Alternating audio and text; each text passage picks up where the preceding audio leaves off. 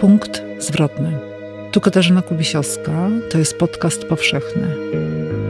Zapraszam na cykl rozmów o punktach zwrotnych w życiu i końcach, które stają się początkiem. Gościem dzisiejszego odcinka jest Grzegorz Kazdepka.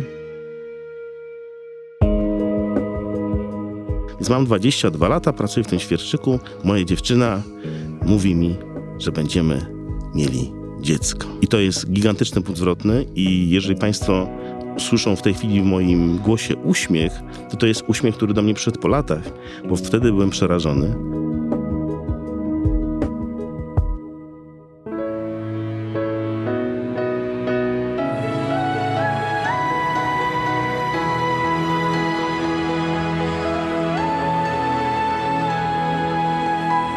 Podcast powszechny. Weź, słuchaj. Dzień dobry, Katarzyna Kubisiowska z nowej siedziby Tygodnika Powszechnego przy ulicy Dworskiej Dęce. Dziś będę rozmawiać e, z Grzegorzem Kazdepkiem, który jest ze mną w studiu. Dzień dobry. Grze Dzień dobry. Grzesiek. Dzień dobry. Dzień dobry. Dzisiaj będziemy rozmawiać o punktach zwrotnych w twoim życiu. Tak, a ja zdradzę od razu, że przed chwilą zapytałem, czy może się tak zdarzyć, iż po tej rozmowie uznamy, że nie miałem nic ciekawego do powiedzenia i bez pretensji wzajemnych do siebie wycofamy tę rozmowę z podcastu powszechnego. No, myślę, że tak nie będzie, a nawet jestem tego pewna, ale pierwszy punkt zwrotny, który przychodzi ci do głowy, to jest jaki? Mm, można zastosować metodę chronologiczną albo tę, która nam się wydaje najważniejsza w naszym życiu, gdy myślimy o punktach zwrotnych. Hierarchiczna. Hierarchiczna, czyli właściwie jedźmy tak naprawdę zgodnie z ruchem wskazówek zegara. Mhm. Mm, Pierwsze, punkty zwrotne tak naprawdę wyznaczają etapy w naszym życiu oczywiście, prawda? Bo dzięki mhm. temu możemy powiedzieć, kiedy były jakie rozdziały, kiedy się skończyły, kiedy zaczynały się kolejne. Więc na pewno pierwszym punktem zwrotnym, z tym, że mówimy na razie o rzeczach bardzo błahych, acz formujących, był moment, kiedy wyprowadziłem się jako dziesięciolatek wraz z swoimi rodzicami z domu, którzy moi rodzice mieszkali z kolei ze swoimi rodzicami, a zwłaszcza mm. ojciec, albowiem jako dziecko PRL-u przeżyłem to, co było często szczęściem dla dzieciaków. Mieszkanie wspólne w niedużym mieszkaniu e, z rodziną składającą się z trzech pokoleń, czyli dziecko, rodzice i dziadkowie. I to dawało dużo frajdy dzieciom. Ja na pewno się z tego cieszyłem. Byłem na przykład beneficjentem pewnego rodzaju sporu między paniami y, w moim domu, między moją ukochaną babcią i między moją ukochaną mamą, które w pewnym sensie rywalizowały o moje uczucia a polem rywalizacji był często mój żołądek. Znaczy one chciały trafić do moich uczuć, do mojego serca właśnie przez żołądek i dopieszczały mnie obiadkami, więc ja częstokroć e, jednego dnia miałem możliwość skosztowania dwóch obiadków, co mnie cieszyło. Do tej pory jeść uwielbiam, goto gotować również lubię. E, internauci mogą wygooglać mnie i zobaczyć, że jestem okrągły, pyzaty, zadowolony z życia. Ale to był też taki dom, nieduży, mm, podzielony jednak pewnego rodzaju murem, ponieważ murem, który potrafiłem bezbłędnie, bez żadnego problemu przekraczać wielokroć każdego mhm. dnia, murem, którego nie przekraczali moi rodzice i moi dziadkowie. To po prostu dom rzeczywiście, w którym mieszkały dwie oddzielne rodziny, a że wszystko się działo na małym metrażu, w, tej, w, w tymże domu następowały czasami konflikty tak zwanego małego metrażu. No i rzecz jasna, tam musiało iskrzyć y, czego starałem się nie zauważać i ja właściwie w żaden sposób nie, nie cierpiałem przez to, że od czasu do czasu między tymi dwiema rodzinami iskrzyło. W swoją drogą, jaka to była jednak trudna sytuacja dla rodziców. Mieszkać, bycie rodzicami i mieszkać u rodziców. Straszne. Mm. Było, pierwsze 9 lat życia to był bardzo, to był bardzo szczęśliwy czas E, i e, chętnie w swoich książkach dla dzieci sięgam do tego czasu i wyciągam stamtąd wspomnienia, które potem wrzucam mm. do swoich opowiadań. Ty już troszkę o tym napisałeś w książce, w książce Kiedy byłem małym. Tak, w mojej jedynej klapie wydawniczej. Pochwalę się, że wiele moich książek rzeczywiście jednak było bestsellerami. Mm, a jedna z nich, jedna z książek okazała się klapą wydawniczą i to jest to moja ukochana książka, książka pod tytułem Kiedy byłem mały.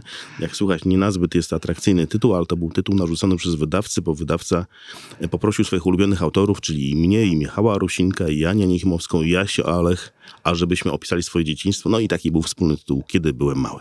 kiedy była mała. No, a w tym czasie jeszcze w, w epoce y, dzieciństwa jakieś punkty zwrotne? Nie myślałem, w moment, który teraz opiszę, to był moment, w którym nie myślałem już sobie jako o dziecku, ale z punktu widzenia prawa nim byłem i teraz, gdy, gdy, gdy wspominam samego siebie z tamtego czasu, tak, uważam, że byłem e, pod wieloma względami jeszcze wielkim dzieckiem. Ważnym, jak się okazało, i dramatycznym i tragicznym momentem w życiu naszej rodziny była śmierć mego ojca. Miał 37 lat, gdy, e, gdy umarł nagle, tak jak umierają okazy zdrowia, czyli na, na zawał serca, nie spodziewaliśmy się, że może mu się to przydarzyć. On, on też uznał, że gdy się źle poczuł, po prostu wystarczy, że się położy na chwilkę i odpocznie. No bo tak właśnie się dzieje z okazami zdrowia. Nigdy się nie badają, mhm. bardzo ufają w swoje młode, sprawne ciało. Mm, to, I to był rzeczywiście moment tra, dramatyczny pod wieloma względami, który wpłynął w pewien, pewien sposób na to, co się potem wydarzyło ze mną.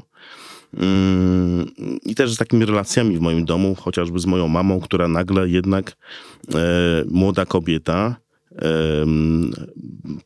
próbowała też w jakiś sposób we mnie zobaczyć tego mężczyznę, który e, będzie w tej chwili rzeczywiście nie tylko synem, ale także partnerem mhm. w decyzjach różnego rodzaju życiowych. To, trudna to jest rola. trudne, tak. Mhm. Mm, ja z ojcem nie pamiętam, po, poza oczywiście jakimś smutkiem, bólem, rozpaczą, która czasami do mnie docierała, jednocześnie pamiętam takie dziwne uczucie uwolnienia, mhm. to paradoks, uwolnienia od, e, e, nie wiem jak to wyrazić.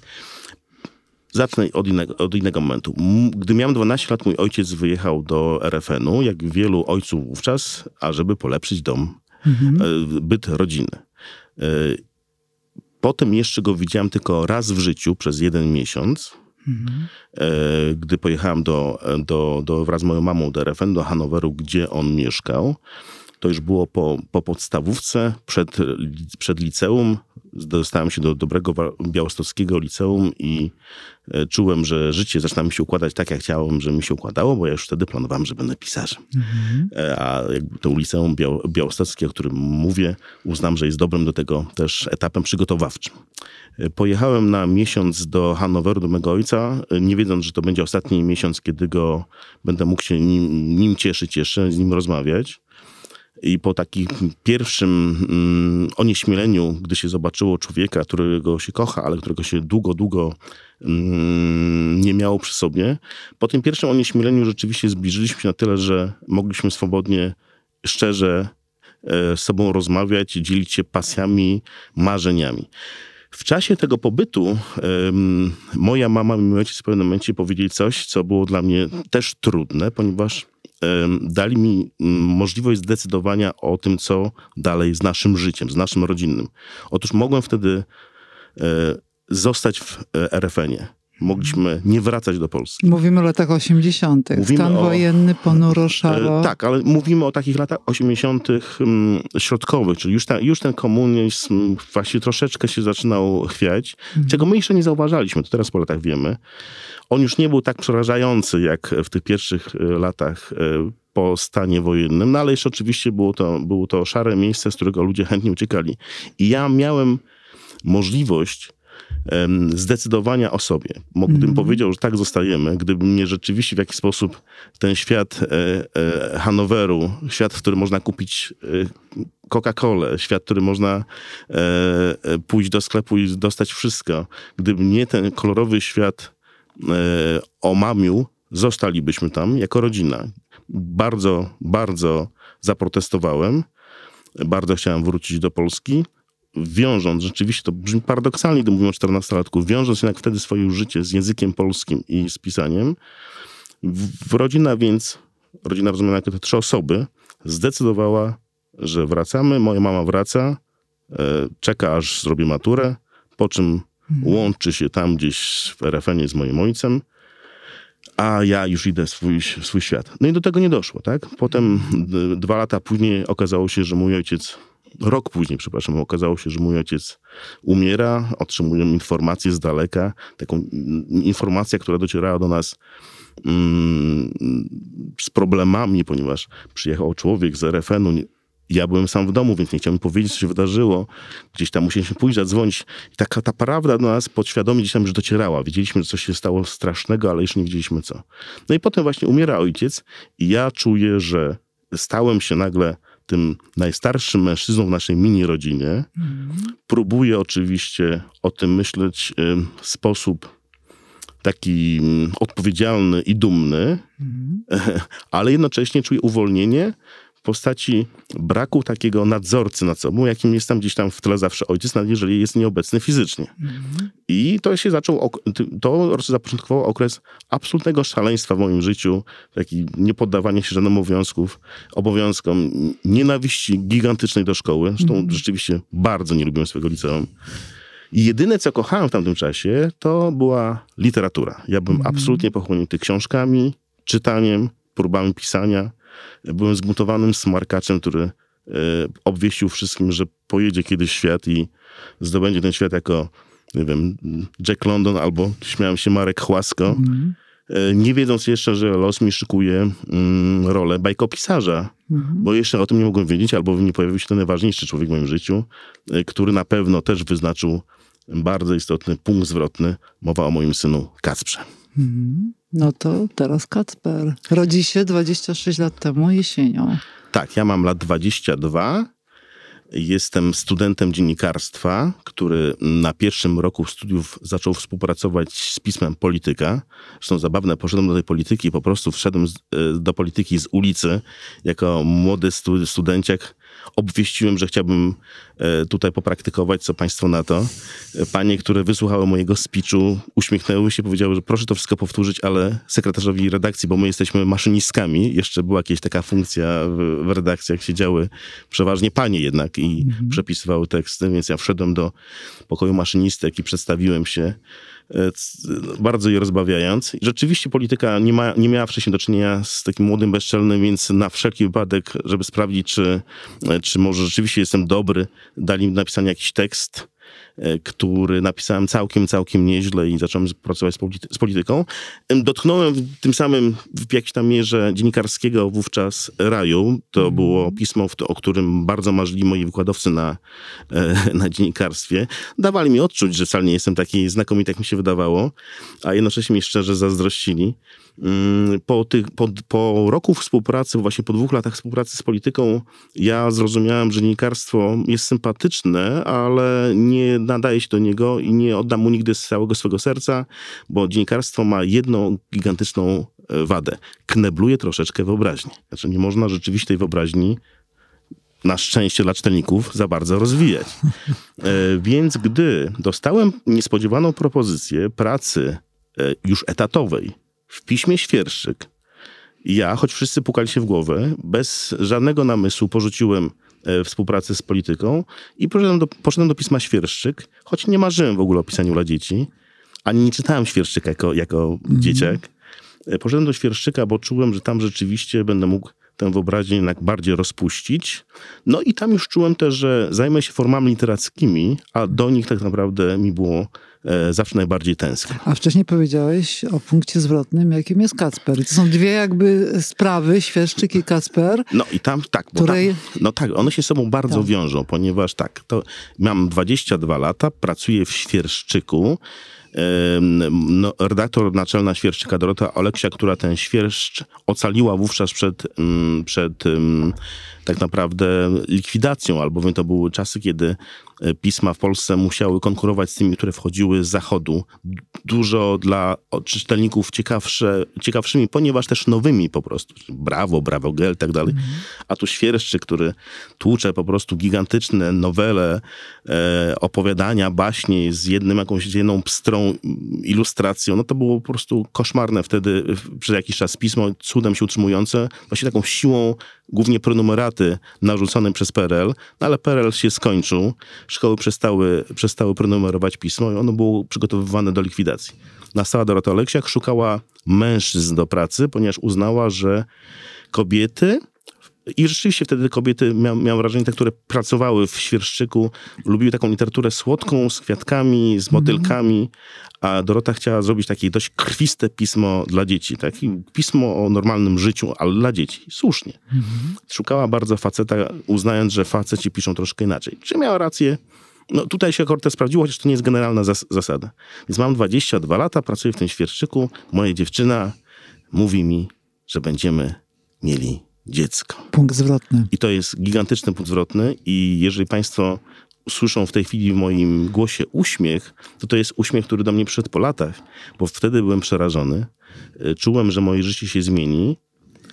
E, czułem, że zmieni się mm, też moje pisanie. Nie wiedziałem tylko, czy to się zmieni na lepsze, czy na gorsze. Ja, prawdę mówiąc, miałem, miałem wtedy jednak takie wrażenie, że ten statek, którym mm, steruję dość jednak trzymając mocno koło na razie w ręku, nagle mi się łamie się kil i ja zaczynam dryfować, że nagle jestem w życiu, którym, które zostało wciągnięte w jakiś wir codzienności, zostało w jakiś sposób dotknięte tajfunem, tajfunem po prostu nieoczekiwanych wydarzeń i miałem przez kilka długich godzin, dni, tygodni, a może i miesięcy przeświadczenie, że właśnie wymknęły mi się z, żyć, z rąk szanse, na które bardzo liczyłem. Kiedy to się zmieniło?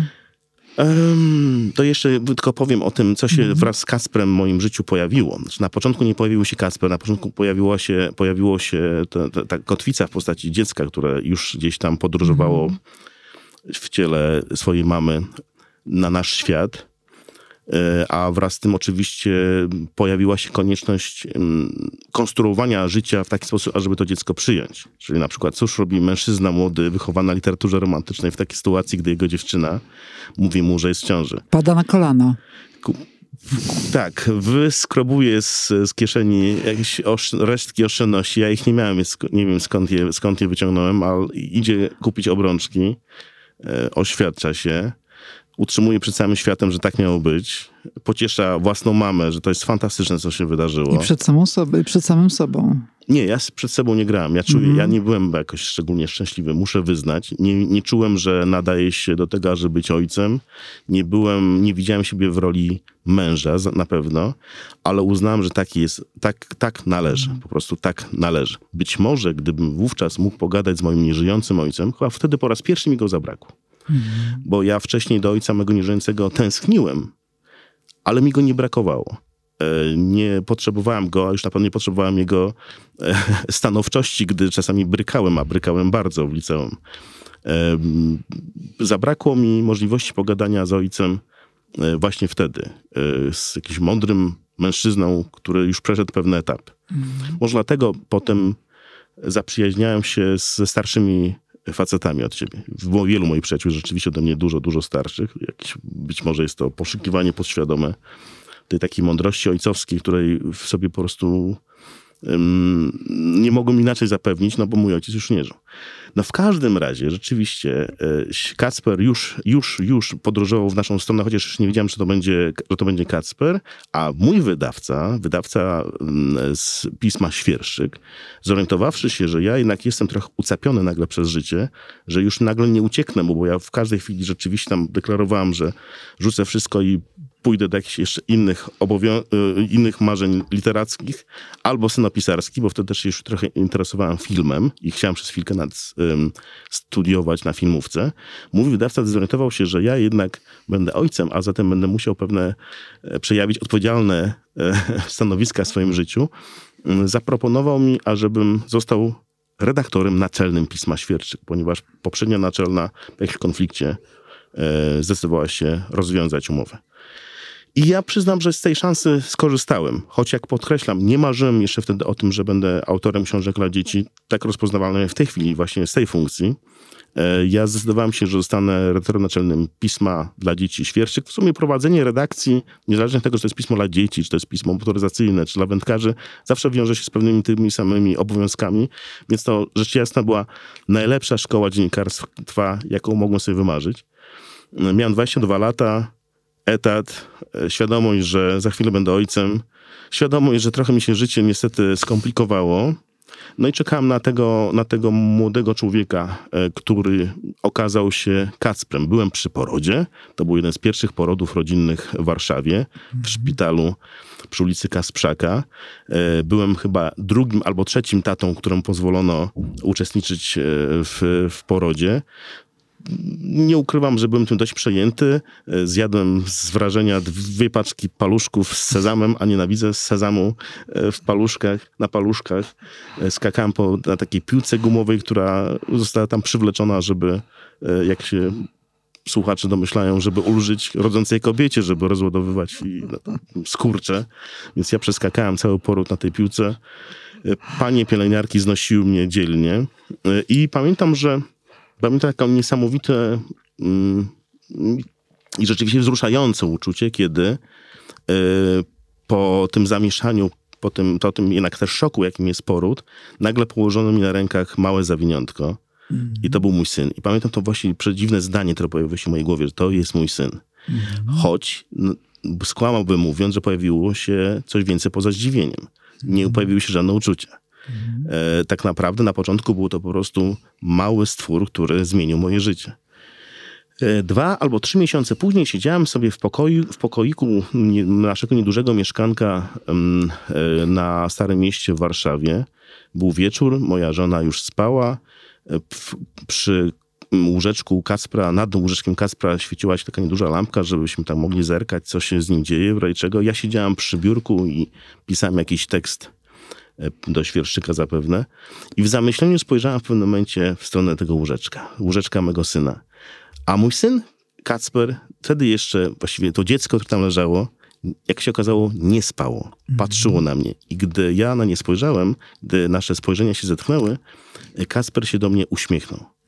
Taki pierwszy kontakt. Uśmiechnął się. Pamiętam niebywałą siłę, mm, niebywałe mm, takie uderzenie ciepła. Pamiętam, że wstałem, Podszedłem do tego łóżeczka, wyjąłem mego synka z niego, przytuliłem i mhm. wtedy poczułem, że jestem ojcem. Dopiero mhm. wtedy.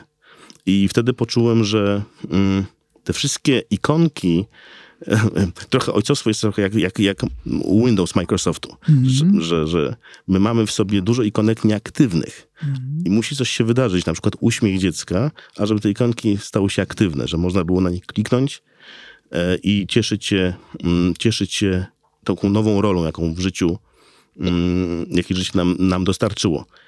Oczywiście wraz z moim synem urodził się też mój strach. Ja kiedyś byłem mm, człowiekiem, który się nie bał niczego. Mhm. Byłem też osobą bardzo mało, mało refleksyjną. Nie powiedzieć wprost, byłem po prostu osobą bezrefleksyjną.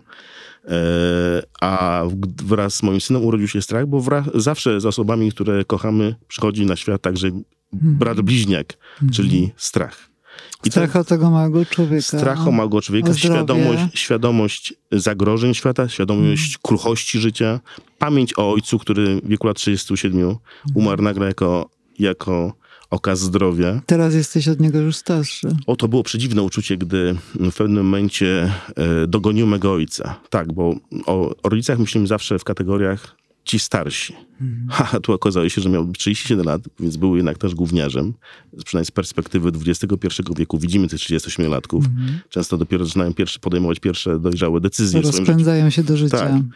E, byłem, byłem zas bardzo, bardzo poruszony tym momentem, gdy ja sam skończyłem 37 lat i zorientowałem się, że jestem runolatkiem mojego ojca.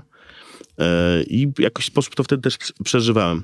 Pamiętam, ja jeszcze, jeszcze wrócę na chwilkę do Białegostoku z momentu tuż po wyjechaniu, e, po dostaniu się na studia, poszedłem, znalazłem w piwnicy e, naszego domu białostockiego sześć butelek wina ryżowego. Koszmarny to jest trunek, ale takie dziwactwa ludzie w PRL-u także robili, żeby poprawić sobie nastrój. Mój ojciec kiedyś namówiony przez kogoś zrobił wino ryżowe, nie wiem co mu strzelił do głowy, to wino nigdy nie, było dobre, a po, po kilku latach od jego śmierci, no to proszę wyobrazić, było naprawdę koszmarnym zajzajerem. Zabrałem wino z butelek, e, e, pojechałem na grób ojca, jako egzaltowany młodzieniec, wypiłem tam to wino na tym na grobie ojca i w jakiś sposób ten, tam się z nim pożegnałem. E, no tak, pewnie na zawsze. Bo mhm. czy my się mamy szansę spotkać w jakimś innym życiu? Chyba, prawdę mówiąc, nie. Mm. No, a jeszcze wtedy, jak Kacper jest już na świecie i ty się przygotowujesz, a później rozpędziłeś e, do pisania książek dla dzieci, to piszesz dla niego książkę, Kacper Jadę, prawda? Z myślą, że to będzie tak, jedna, jedyna książka. Tak, tak. Ja, dla synka. Ja sprawdzałem się jako redaktor, byłem sprawnym redaktorem. E, praca z ludźmi nie sprawiała mi żadnego kłopotu. Potrafiłem być ku moim zaskoczeniu stanowczy. E, potrafiłem wymagać także od, od siebie. Myśmy próbowali zrobić ze Świerszyka taki, taką małą politykę troszeczkę. Chcieliśmy mm. pisać nie tylko, nie tylko o świecie baśni, o świecie, świecie, które kojarzą się, kojarzą się do tej pory z pokojem dziecinnym. Chcieliśmy pisać o tym wszystkim, co dzieci otacza. Czyli na przykład pisaliśmy, dajmy na to, o denominacji, o o, o pracy, czym jest, czym jest praca, czym są zmiany, które następują w naszym życiu e, społecznym. Świerszczyk pełnił taką rolę rzeczywiście przez pewien czas, przez kilka lat, takiej małej polityki dla, dla, dla dzieci właśnie. Czyli potraktowaliście dziecka jak partnera, no, mm. do rozmowy, do dyskusji. Tak, tak, tak. I, to, I to była świetna w ogóle szko szkoła, muszę powiedzieć, też takiego bardzo klarownego, czystego pisania. Że dla dzieci trzeba pisać o tych trudnych zjawiskach, dla dzieci trzeba pisać w bardzo prosty sposób, a pisanie w prosty sposób nie jest łatwe. E, wielu moich znajomych się wykładało na próbach takich publicystyki dla dzieci. To jest naprawdę rzeczywiście trudna sztuka i pisać dla dzieci powinni wyłącznie najlepsi. Mm, ja, gdy Kasper, gdy Kasper okazał się rzeczywiście bohaterem mego życia w pewnym sensie, no bo tak, Kasper pojawiający się w moim życiu, to był, to był ten punkt zwrotny niebywale ważny. Ja odkryłem, że literatura, którą uprawiałem jako nastolatek, bo taka była, to brzmi śmiesznie trochę, ale ja rzeczywiście byłem zapalonym, zapalonym czytelnikiem, a z zapalonego czytelnika zawsze, bardzo często wyrasta też osoba, która chce pisać. Pisałem bardzo dużo e, tekstów fantastycznych, które próbowałem publikować w piśmie Fantastyka, najważniejszym piśmie e, moich nastoletnich lat, w, w piśmie, które rozpalało wyobraźnię. Ja debiutowałem w fantastyce u Maćka Parowskiego, właśnie debiutowałem w małej fantastyce u Maćka Parowskiego i to pismo zawsze było dla mnie z różnych względów, względów ważne. Było ważne dla, też dla takiego młodego człowieka piszącego, ponieważ tak, młody pisarz chce pisać a często nie ma o czym. Fantastyka mhm. daje możliwości rzeczywiście skonstruowania świata, w którym jesteśmy demiurgami i nikt nie może powiedzieć, słuchaj, to tak nie było. Było, bo to ja tak wymyśliłem. No więc ja przez długie lata rzeczywiście zajmowałem się tymi tekstami fantastycznymi, a dzięki Kacprowi odkryłem, że interesujące jest czasami to, co, co jest tuż obok. E, spacer, rozmowa, e, obiad, mhm. taka bzdurka to bardzo było dla mnie mm, ważne, ponieważ zbliżyło mnie do jednego z najważniejszych pisarzy wówczas w moim życiu, do Bohumila Hrabala, który potrafił się rzeczywiście zachwycać, e, zachwycać życiem w każdym jego okruchu. I ja ten okruch obok siebie znalazłem. Ten okruch, jakim był Kacper i jego, jego życie. I z takich okruchów, z takich opowieści drobnych powstała książka Kacperiada, której, w której to książce byłem narratorem. Dorosła, dorosły mężczyzna, który próbuje, uczy się właściwie bycia ojcem. E, książka dla dzieci, bo główny bohater to oczywiście Kacper. I ta książka, która wydawałoby się nie ma szans, żeby spodobać się tak naprawdę dzieciom, ponieważ no, tutaj proszę bardzo, narrator dorosły, to nie jest śmieszne dla dzieciaków wszystko. Okazało się, że ta książka zawojowała rzeczywiście dzieci, ale chyba poprzez ich rodziców, bo mm. po tę książkę sięgnęli rodzice, którzy chyba odkryli w tej książce także swoje y, i przemyślenia, i lęki, i różne śmiesznoty, które w naszym życiu mm. pojawiają się wraz z naszymi dziećmi. Także wtedy pojawiła, po, tak dzięki Kasprowi pojawił się, y, pojawił się w moim życiu ten najważniejszy najważniejszy element pracy pisarza patrzenie na drobiazgi. Mhm. No i od tego czasu, słuchaj, ty napisałeś bardzo, bardzo dużo książek i ja się zastanawiam, e, powiedziałeś o, o ojcu, o Kacprze, te punkty zwrotne jednak są związane z ludźmi bardzo. Tak. No a i od tego czasu, od tych dwudziestu paru lat, odkąd jesteś e, na rynku jako autor książek, y, skierowanych, y, ja uważam, że i do dzieci, i do dorosłych. To są właśnie takie dwukodowe książki, wielka sztuka, o której mówisz, bardzo wysoka poprzeczka, żeby w ten sposób pisać, ale jakbyś miał powiedzieć o takim jednym punkcie zwrotnym w tym czasie, między Kacprem a teraz, tym momentem, kiedy teraz tutaj siedzimy w Tygodniku Powszechnym i rozmawiamy o tym, co było. W pewnym momencie e, musimy robić bilanse życiowe i zastanawiać się, czy chcemy nadal rzeczywiście nasze życie układać w taki sposób, w jaki to robimy do tej pory, czy próbujemy jak z nim robić, w nim zrobić jakąś rewolucję, e, walcząc o e, lepszą jakość na przykład swoich uczuć i emocji. Mhm. I w pewnym momencie ja i mama Kacpra podjęliśmy decyzję, że się rozstajemy po prostu. Mhm. E, chociaż jest to rzecz jasna smutne i dramatyczne zawsze wydarzenie, gdy się para rozpada, bo jednak jest to koniec świata, to ja mam z tym, z tym wydarzeniem też kilka jakichś zabawnych anegdot, chociażby ta, że gdy my już po rozstaniu się, po, po ułożeniu sobie takich wzajemnych relacji, także tych takich mm, związanych z prawami merkantylnymi, z tym jak z podziałem obowiązków, z pieniędzmi, alimentami, e, gdy w sądzie próbowaliśmy to wszystko usankcjonować. E, nasza sędzina słuchała z nas z coraz większym osłupieniem, uznając, że to jest jakaś, że to jest zbyt różowe wszystko, że, że, że, że, że to niemożliwe i zażądała, ażeby ażeby świadkiem w, naszej roz, w naszym rozwodzie była moja teściowa. Trudno się spodziewać po teściowej, że będzie jakoś szczególnie dobrze mówiła o swoim zięciu. Tymczasem moja teściowa mówiła e, sędzinie o mnie w samych superlatywach, co naprawdę spowodowało, że już machnęła ręką, powiedziała, okay, trochę państwu nie wierzę, ale E, niech będzie tak, jak państwo wszystko ustali. Czyli, rozstaliście, czyli rodziliście po ludzku i rozstaliście się po ludzku? Rozstaliśmy się po ludzku, mm, nawet w stylu trochę odrobinę Woody Allenowym mam wrażenie. Ja jestem ojcem chrzestnym teraz, e, ja jestem ojcem chrzestnym dziecka mojej, mojej żony. W każdym razie, no, my byliśmy po prostu młodymi bardzo ludźmi, gdy dowiedzieliśmy się, że będziemy rodzicami i to czasami, czasami, czasami um, życie pozwala takim młodym ludziom się w sobie zakochać, a czasami mi nie pozwala. I nam nie pozwoliło.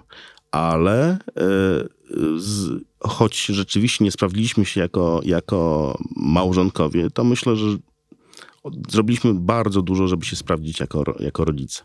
Mhm. E, I zawsze z ogromnym szacunkiem mówię o mamie Kacpra. E, zawsze też Kac, podkreślam mm, w rozmowach z Kacprem, jak jest fantastyczną osobą jego mama i wiem, że mogę na te same słowa odwrócone mm. liczyć z jej, z jej strony, w moim kierunku wymierzone. No a potem cóż się zaczyna w życiu takiego młodego, uwolnionego mężczyzny? Potem zaczyna się oczywiście okres, e, e, okres szaleństwa, rozkoszy i różnych prób, e, które można opisać też słowami skakanie z kwiatka na kwiatek. Mm -hmm. E, Łotrzykowski epizod. Łotrzykowski epizod. No i skakałem z kwiatka na kwiatek, aż spotkałem kobietę jak cała łąka. Mm. I to mhm. była moja żona. E, druga, jak wiadomo, te drugie małżeństwa przeważnie już są bardziej przemyślane i mm. podyktowane rytmem serca.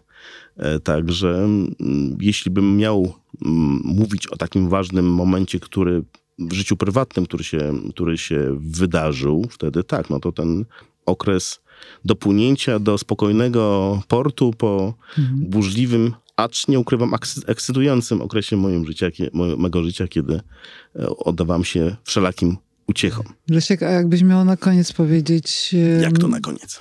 Na, na koniec, który może będzie początkiem, to co powiesz. Ja bym chciała się dowiedzieć nie to, co... Nie, od ciebie nie to, co było, o tym, co się zdarzyło, tylko jakbyś miał spojrzeć, spojrzeć w przyszłość to co byś chciał, żeby się wydarzyło w Twoim życiu?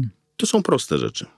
Mm, proste rzeczy, które, mm, które oczywiście, bo, bo tak naprawdę szczęście, Państwo to wiedzą, szczęście bardzo często to jest teraźniejszość widziana po latach. Mhm. E, chciałbym w przyszłym życiu, jak mówisz, w przeszłości rozumianej za godzinę, jutro, za tydzień, umieć zauważać w momencie, kiedy to życie przeżywam, że to jest właśnie szczęście.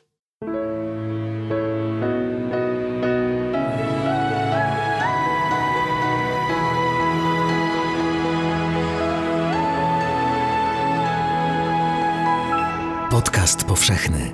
Weź, słuchaj. Jeśli słuchają nas Państwo w Spotify albo w Apple Podcast, zasubskrybujcie nasz kanał. Jesteśmy też w Google Podcast i w aplikacji Lekton oraz na www.tygodnikpowszechny.pl/podcast. Współwydawcą podcastu powszechnego jest Fundacja Tygodnika Powszechnego.